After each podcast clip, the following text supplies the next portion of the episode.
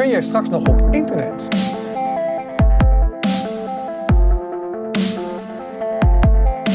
Welkom bij Wereldnieuws. Mijn naam is Nico Sloot. Samen met strateeg en onderzoeksjournalist Twan Hoeben kijken we naar de mondiale ontwikkelingen en de invloed daarvan op ons eigen huishouden en natuurlijk op onze portemonnee. Twan, welkom. Strateeg. Ehm, ja, je hebt ervaring, hè? je bent ervaringsdeskundige eigenlijk, hè? met name ook bij multinationals. Kun je daar kort iets over zeggen? Ja, ik, eh, heel kort. Ik heb tien jaar bij uh, multinationals gewerkt, twee stuks. En daarin heb ik uh, geleerd wat strategie is, ontwikkelen van strategie. Om je bedrijf een toekomst te bieden.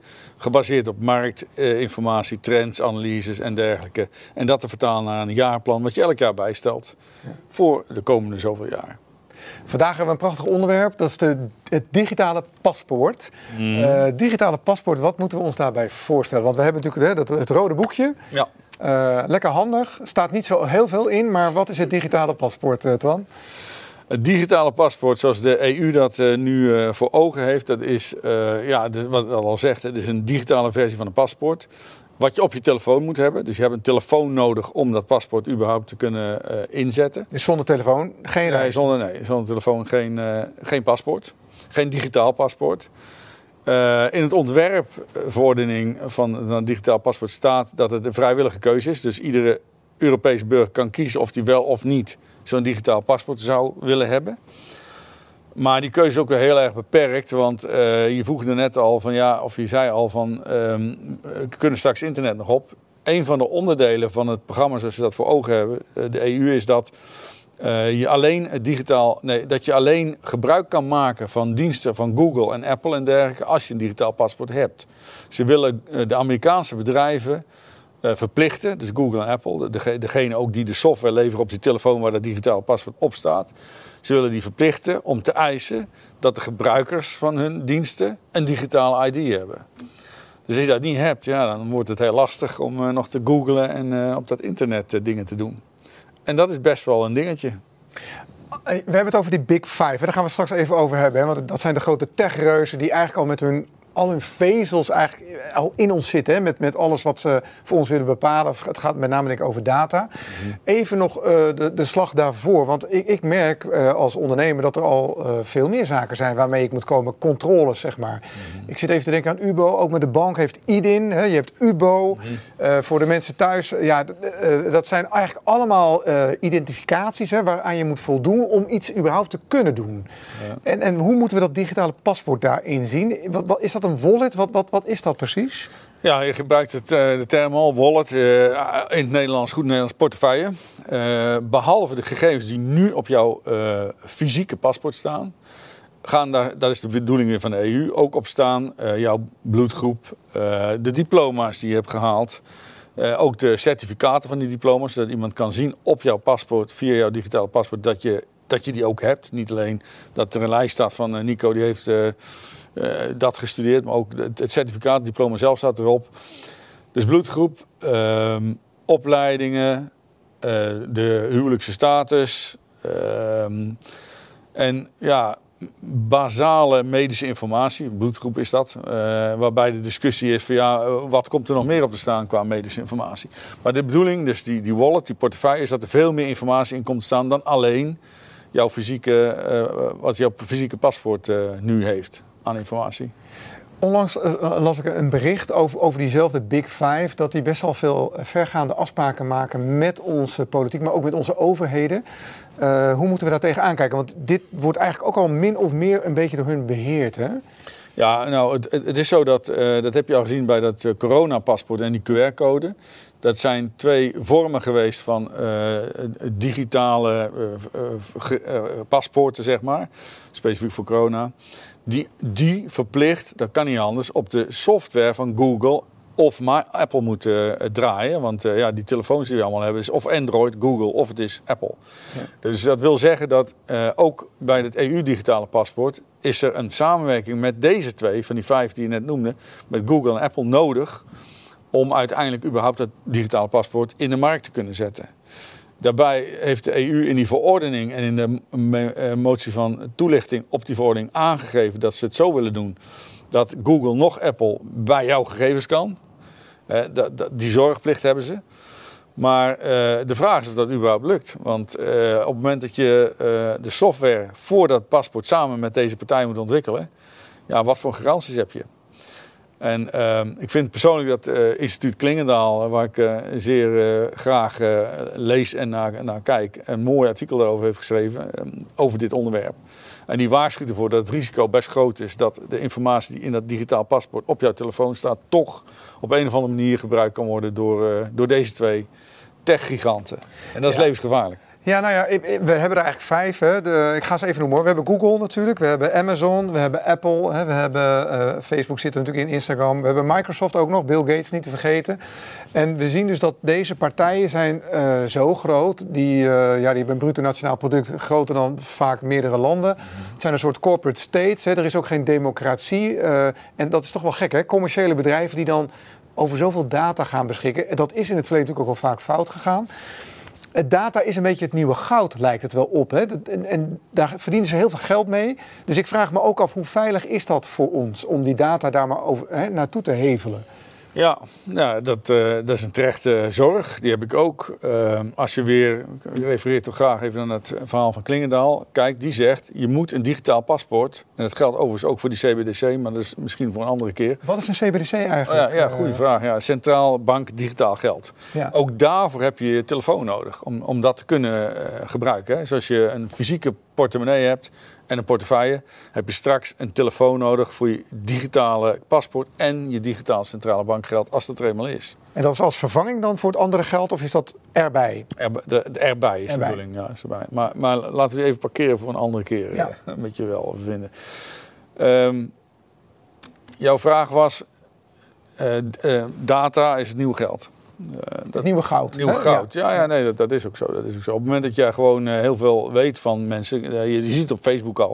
Ik bedoel, ik, ik heb laatst keer naar een Bosch boormachine ge gezocht, ergens. En opeens op Facebook krijg ik twintig boormachines onder mijn neus.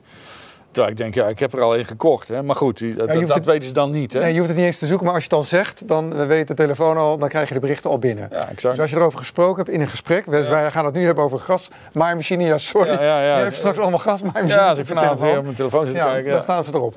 Maar dat zijn dus de organisaties die dan gaan beheren over onze eigenlijk wel heel privacygegevens als een paspoort. Ja. En, we even en helemaal als je het over medisch dossier ook nog hebt. Ja, dat, die wil ik ook even parkeren, want uh, ik heb gekeken of dat zeg maar de, uh, dat er uh, indicaties zijn dat de bedoeling is dat ook je hele medische dossier op dat centraal digitaal paspoort komt te staan. En dat, dat kan ik nog niet vinden. Anders dan die bloedgroep. Ja. Maar goed, het is niet uitgesloten. Even terug naar het Klingendaal-verhaal. Die zeggen, als je dus wil voorkomen dat uh, er te veel van jouw persoonlijke gegevens worden gedeeld met andere partijen. En we hebben prachtige anti-privacy-wetgeving, maar die wordt eigenlijk helemaal doorkruist door wat er nu gebeurt. Dus je kunt je afvragen wat dat nog waard is. Dan moet je zo min mogelijk informatie op dat digitale paspoort hebben. Je moet helemaal geen wallet hebben, je moet geen portefeuille hebben. Je moet dezelfde informatie hebben als op dat uh, fysieke document staat wat je nu nog gebruikt en meer niet dan kan ook uh, misbruik uh, worden ingeperkt. Ja.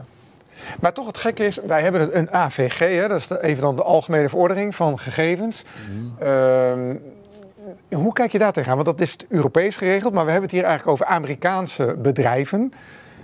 Da, dat, daar zitten ook verschillen in de wetgeving en wat aan elkaar wordt verkocht of wordt gebruikt. ja, ja, ja, ja. Nou, ik ben, ik ben er geen eh, superdeskundige in. Het enige, ik weet wat, de AVG is en waarvoor wordt gebruikt. En als je zeg maar, niet zorgvuldig omgaat met het afbakenen van die software die uh, nodig is om jouw telefoon te laten functioneren en dat digitale paspoort wat draait op die software, dan loop je een enorm risico op schending van die privacywetgeving. En nogmaals, de EU zegt heel netjes in zijn uh, toelichting van hé, hey, dat gaan we voorkomen, dat gaat niet gebeuren. Maar er is op dit moment nog geen enkele garantie of bewijs dat dat te voorkomen is. Ja. En om die reden zegt ook een uh, Klingendaal in zijn, in zijn uh, mooie essay, ik vind het een prachtig verhaal beperk gewoon die informatie op dat digitaal paspoort komt te staan. Ja, we zien het ook bij het UBO-verhaal. Dat is dan uh, dat wij als ondernemer moeten aangeven wie eigenlijk de, uh, de aandeelhouder is, eigen is van al je BV's en alles wat je hebt. Mm -hmm. Daarvan was ook de afspraak, gaan we allemaal beschermen. Dat moest afgelopen april moest dat allemaal geregeld zijn. Dat is nu uitgesteld. In een hoog arrest is er bekend geworden dat de data verkocht is aan andere partijen. Mm. Ja, ik maak me daar echt zorgen over als ondernemer. Laat staan dat, dat ik dan ook nog eens een keer mijn paspoort of andere gegevens aan Amerikaanse bedrijven ga geven. Wat, Ja, eh, ik kan me alleen maar volledig eh, in vinden wat je zegt. Kijk, op het moment dat je als EU wetgeving afkondigt waarin een digitaal paspoort wordt uh, beschikbaar gesteld aan mensen die dat willen, maar tegelijkertijd verplicht je de Apple en Google om alleen maar mensen toe te laten op hun platform als ze dat digitale paspoort hebben. Dan koppel je uh, die privacygevoelige informatie van jou aan uh, de Googles en de Apples van deze wereld. althans, die twee partijen. Als dat niet goed is gescheiden, technisch. Waarbij die hele privacywetgeving eigenlijk geen bied meer voorstelt. Dus de, de technische garantie dat dit echt niet, niet gaat gebeuren, die uitwisseling van informatie, is essentieel. En jij geeft een voorbeeld van waar dat niet is gelukt, namelijk met die UBO-wetgeving. En, en daar is veel gedoe over nu natuurlijk. Tegelijkertijd, net wat jij net zegt, ik vind het ook wel uh, bijzonder dat we kijken naar. dit moeten we er even uitknippen, jongens. Ik wilde wat anders zeggen.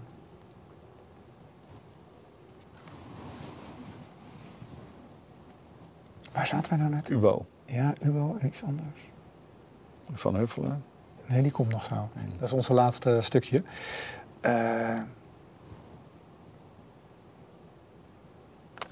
Nico? Ja?